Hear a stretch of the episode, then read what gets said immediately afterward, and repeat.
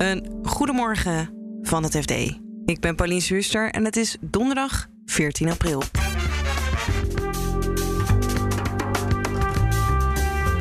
Laadpaalbedrijf IV-Box was veelbelovend, maar nu vallen de lijken uit de kast. Een aantal uh, rode vlaggen waar je van de buitenkant af van kan zeggen van er is, uh, er is een hoop aan de hand bij dit bedrijf. Werknemers willen dat hun bedrijf zich uitspreekt over kwesties als Oekraïne. Het is lastig om, om te zeggen, nou wij vinden die oorlog wel prima. En werkgevers zijn blij dat Oekraïense vluchtelingen aan het werk mogen met deze krappe arbeidsmarkt. Alle beetjes helpen, dus het helpt ook met dat tekort aanpakken.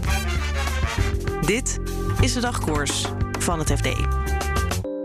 De beursgang van het Nederlandse laadpaalbedrijf EV-Box werd eind vorig jaar al afgeblazen. En nu blijkt dat het verlies over 2020 ook groter is dan gedacht. Martijn Pols volgt de strubbelingen van dit eens zo veelbelovende bedrijf al een tijdje en schetst wat er aan de hand is. We hebben twee maanden geleden het voorlopig jaarverslag uh, van EV-Box uh, kunnen inzien, omdat dat uh, gedeponeerd was bij de Kamer van Koophandel. Het was heel nadrukkelijk nog niet getekend door de accountant. Opmerkelijk genoeg, want het was al een jaar na het sluiten van het, van het boekjaar. Dat volgde op het feit dat de beursgang die al was aangekondigd, waarbij EV-Box voor een miljard de beurswaarde zou krijgen in de Verenigde Staten, dat die uiteindelijk was afgeblazen. Um, daar werd van gezegd dat dat kwam door uh, moeilijke marktomstandigheden. Maar uiteindelijk kwam het er ook op neer dat de jaarcijfers gewoon niet goed rondkwamen. Twee maanden geleden hadden we dus een eerste inkijkje. En nu hebben we een definitief jaarverslag. Want uiteindelijk is de accountant nu wel akkoord gegaan. En blijkt de ellende eigenlijk nog wel iets groter dan, uh, dan toen al bleek. Ja, want, want ook toen al was eigenlijk al bijna het hele volledige bestuur en toezicht vervangen, toch? Er bleek van alles aan de hand. Het uh, voorlopige jaarverslag uh, was al niet ondertekend door, uh, door de CEO, die op papier nog steeds de baas zou zijn, de heer Vereenogen. Die zou ziek thuis zitten, maar heeft nu ook de definitieve jaarrekening niet getekend. Zijn medebestuursleden zijn één voor één al eerder opgestapt en eentje zelfs tijdelijk geschorst geweest toont aan de buitenkant uh, als een bedrijf waar een hoop aan de hand is. En waar uh, met name de Franse moeder Engie uh, fors heeft ingegrepen en heeft moeten ingrijpen. Ja, en wat las jij nu in het echt het daadwerkelijke jaarverslag voor nieuws? Een van de meest opmerkelijke zaken die nu naar voren is gekomen, is dat eigenlijk de hele boekhouding op zijn kop is gezet. Heeft te maken met dat ze zelf zeggen dat ze een andere boekhoudmethode zijn gaan gebruiken. Waardoor er in één keer veel meer inzicht is in een bepaalde soorten kosten. En eentje die er echt heel erg uitspringt is uh, een voorziening voor garantieclaims. Uh, het zijn laadpalen die zij zelf maken en exporteren. Ja. En die, uh, die gaan ook nog wel een stuk. En dat, dat kan natuurlijk gebeuren. Maar in een eerste instantie was niet duidelijk hoe, hoe, vaak dat gebeurde of wat dat zou gaan kosten. En nu is er toch bijna 50 miljoen gereserveerd voor claims van klanten die uh, zeggen dat hun apparaat niet werkt of waar nog reparaties moeten worden uh, uitgevoerd. En dat is notabene ook nog eens een hele duidelijke uh, inschatting in plaats van een vaststelling. Want je kunt natuurlijk nooit van tevoren precies inschatten hoeveel klanten er uiteindelijk nog terug gaan komen met een, met een kapotte laadpaal bij jou. Ja. Dus het is zowel financieel als product als bij bestuur is er van alles nou ja, onrustig. Er zijn er een aantal rode vlaggen waar je van de buitenkant af van kan zeggen van er is, er is een hoop aan de hand bij dit bedrijf. In de definitieve jaarrekening is het uh, resultaat ook nog eens 20 miljoen slechter dan in de voorlopige jaarrekening. Dus er is nu 113 miljoen verlies gemaakt. Het bedrijf zegt zelf in een reactie dat dat normaal is voor wat zij zichzelf een start-up noemen. Dat er veel ontwikkelingskosten moeten worden gemaakt om uiteindelijk marktaandeel te winnen. Om op termijn daar dan ook de vruchten van te plukken. Uh, maar het is een heel schril contrast met uh, de cijfers die wij zagen toen de beursgang werd aangekondigd. En dit bedrijf eigenlijk dit jaar al winst zou hadden moeten maken. Of op zijn minst break-even had moeten draaien. En een, en een, en een gezonde bruto marge van, uh, van meer dan 20% had moeten draaien. Nou, dat doen ze bij lange na niet. En dat heeft allerlei oorzaken, waaronder ook deze garantieclaims. En wat zegt dat nou nu over de huidige staat van het bedrijf of misschien de toekomst van het bedrijf? Want het was ooit uh, veelbelovend. Kan het dat nog worden?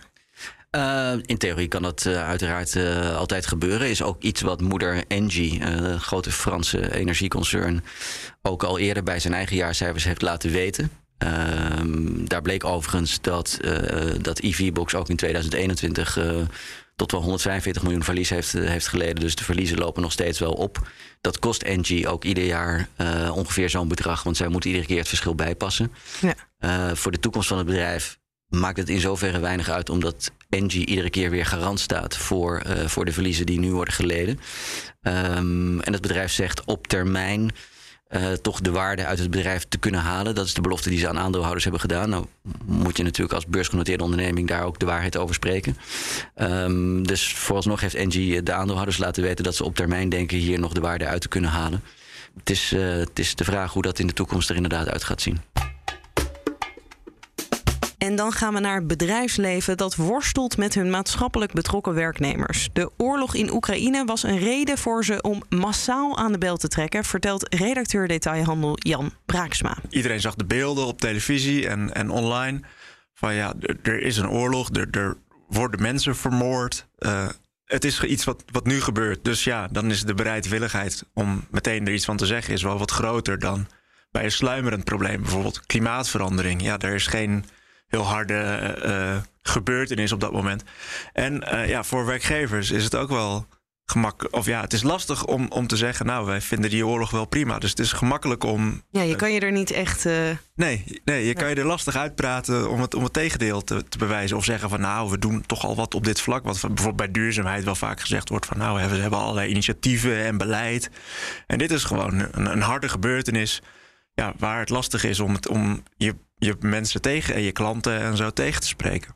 Zag je dit wel bij eerdere onderwerpen ook die bijvoorbeeld uh, groot in het nieuws waren? Onlangs was in het nieuws dat een van de grote sponsoren van het Nederlands elftal niet meegaat naar Qatar. Ja.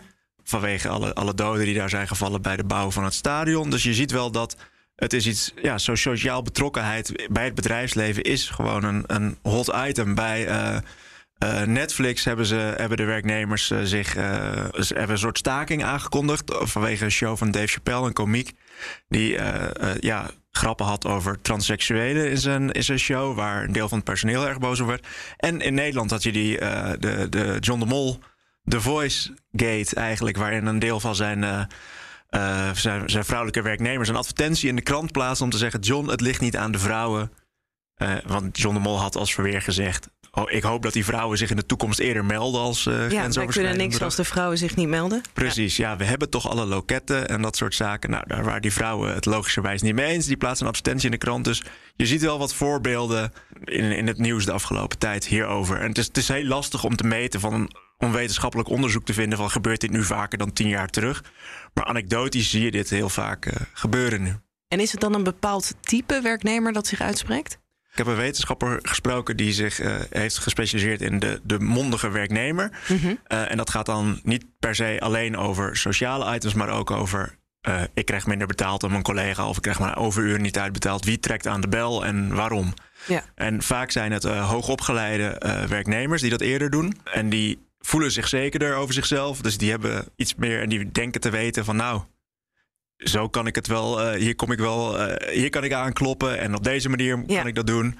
En die doen dat dus wat eerder. Ook mensen die zich zekerder voelen over hun contract. Dus iemand met een tijdelijk contract of een uitzendkracht of een ZZP'er zal het niet zo snel doen. En ook wat oudere mensen doen het vaak eerder. Die hebben waarschijnlijk al wat meer ervaring. Die hebben al wat, uh, misschien zo'n situatie meegemaakt of al een aantal keer. Die hebben dus ook gezien, als ik het op deze manier aankaart, dan lukt het vaak wel. Of dan kom ik ermee weg, dan word ik niet meteen eruit geknikkerd. En je zei net al, ja, het is lastig om daar echt harde cijfers voor te vinden of uh, wetenschappelijk onderzoek. Uh, hebben experts wel het idee dat deze generatie werkende het belangrijker vindt, hoe het bedrijf zich opstelt? Ja, uit, uit uh, anekdotisch blijkt dat wel en uit een aantal enquêtes ook wel.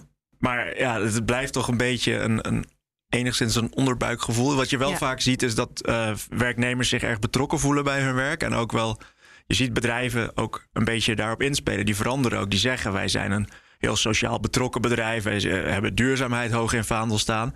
Dus het is misschien ook een zelfversterkend uh, effect daarmee. Van als ja. jij zegt dat je maatschappelijk betrokken bent, dan trek je misschien mensen aan die dat, uh, die dat belangrijk vinden. En in allerlei opleidingen en leiderschapscursussen wordt ook vaak tegen werknemers gezegd: spreek je alsjeblieft uit. Als je het ergens niet mee eens bent, nou ja, dan wat je, je, je oogst wat je zaait. Dus in dit geval ook. Mensen spreken zich daardoor misschien makkelijker uit over dit soort issues. Sinds deze maand mogen Oekraïense vluchtelingen aan het werken in Nederland. En daar zitten ze om te popelen, vertelt arbeidsmarktredacteur Elfanie Toulaar. Ja, ze zitten hier natuurlijk maar te wachten. Uh, vaak met kinderen, die kunnen ook nog niet naar school. Maar ja, zodra die kinderen wel naar school kunnen... of uh, zodra ze elkaars kinderen kunnen opvangen, willen ze aan de slag. In uh, Oekraïne is de arbeidsparticipatie ook onder vrouwen heel erg hoog. Hoger dan hier. En ja, ze willen gewoon wat om handen hebben. Ja. En lukt dat makkelijk? Of moet er nog veel worden geregeld om dat uh, werkelijkheid te maken, dat ze echt kunnen gaan werken? Officieel kan het in ieder geval. En dat is best wel uniek. Uh, deze Oekraïense vluchtelingen is eigenlijk dus een aparte categorie.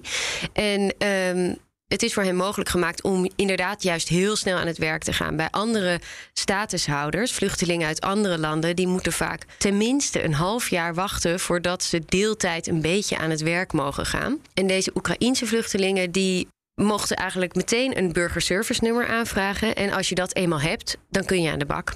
Ja, en ik begreep dat de Rijksoverheid zelfs zegt dat ze zonder burgerservice nummer ook aan de bak zouden kunnen. Dat klopt.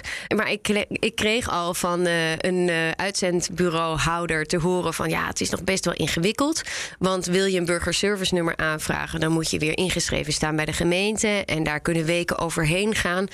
De Rijksoverheid heeft gezegd: wij zien dat en ze mogen aan het werk.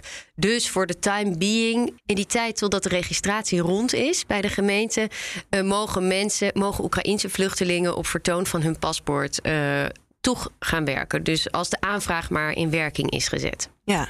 En in wat voor banen komen de Oekraïense vluchtelingen terecht die inmiddels uh, dat doorlopen hebben? Ja, in alles natuurlijk. Uh, die uitzendbureauhouder die ik al eventjes noemde... die uh, heeft heel veel banen in de logistieke sector. Daar zijn ook onwijs veel vacatures. Um, ik sprak een andere, een onderzoeksjournalist en ondernemer notabene. Uh, die is getrouwd met een Oekraïense vrouw. En hij heeft een heel groot Oekraïens netwerk. Hij zegt, er zitten ook heel veel IT'ers bij. En... Um, in Oekraïne, anders dan hier. Hier zijn, is die hele techsector is er zijn heel veel mannen, maar in Oekraïne zitten er ook heel veel vrouwen in. Dus hij heeft ook heel veel technici. Hij heeft nu een recruitmentbureautje uh, opgericht om mensen aan het werk te helpen. Een beetje houd je touwtje, maar wel heel direct. Ja. En hij zegt: Ik word plat gebeld door werkgevers ook. Maar dat, zijn, uh, ja, dat gaat dus van techbedrijven tot ingenieursbureaus tot. Um, uh, PostNL, geloof ik, die bezorgers zocht. Uh, tot een Grieks restaurant uit Vlaardingen, wat uh, horecapersoneel zoekt. Dus ja, ze worden overal gevraagd. En uh, zullen daar ook wel uh, aan de bak gaan. Ja, en jij schrijft veel over het uh, tekort aan mensen op de arbeidsmarkt. is dit dan een oplossing voor die krapte om vluchtelingen inderdaad in te zetten? Nou, voor een deel wel, ja. De krapte op de arbeidsmarkt is echt enorm. Kijk, natuurlijk, weet je, deze vluchtelingen, dat zijn niet zomaar werknemers die je vandaag aanneemt en morgen misschien fulltime aan hun lot kunnen, kan overlaten in het werk. Ze hebben wel wat extra begeleiding nodig. Een deel zal getraumatiseerd zijn.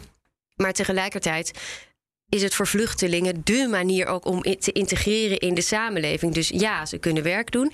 En ja, het is ook nog eens goed voor die mensen zelf om hier een, een bestaan op te bouwen, al dan niet tijdelijk. Want hoe sneller je aan het werk gaat, hoe sneller ze ook hun draai vinden.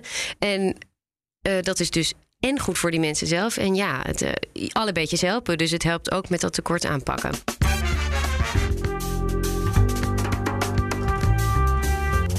Dit was de dagkoers van het FD.